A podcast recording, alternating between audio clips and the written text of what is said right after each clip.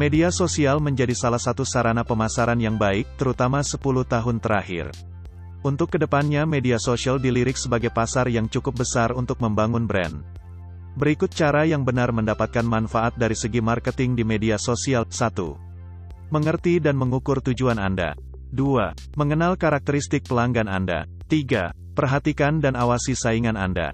4. Pilih media yang tepat. 5. Membangun perencana konten. Mengetahui dan mengukur tujuan Anda.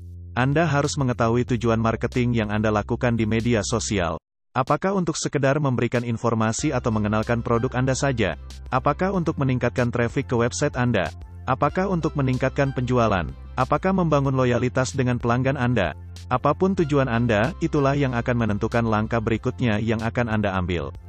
Ada berbagai tujuan marketing di media sosial, dengan mengetahui tujuan dengan jelas maka Anda akan dengan mudah menemukan strategi apa saja yang dapat Anda terapkan. Tujuan yang hendak Anda capai harus terukur gunanya agar mudah dilakukan analisis terhadap strategi yang Anda ambil.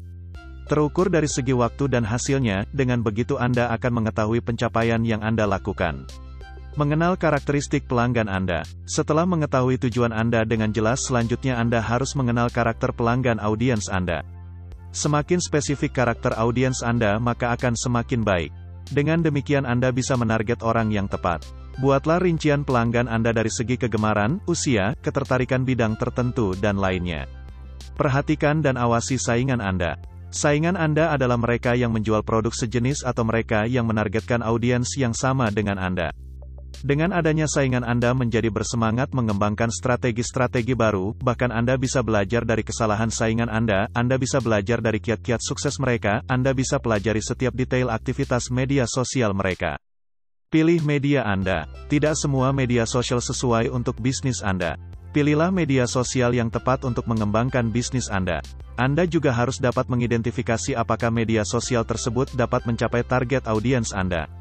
Fokuslah pada satu atau maksimal dua media sosial saja. Lebih dari dua media sosial membuat Anda kewalahan, lain halnya jika brand Anda sudah sangat terkenal. Membangun perencana konten. Dan terakhir yang perlu Anda lakukan adalah mengembangkan rencana konten dengan baik agar dapat menyampaikan materi dengan menarik. Buatlah konten yang menarik dan tidak monoton. Konten bisa berupa video pendek atau ulasan apa saja. Jadi tidak terus-menerus teks dan gambar saja. Terkadang konten Anda selingi dengan meme yang lucu juga bagus. Kreatiflah dalam membuat konten dan berikanlah konten yang bernilai bagi audiens Anda.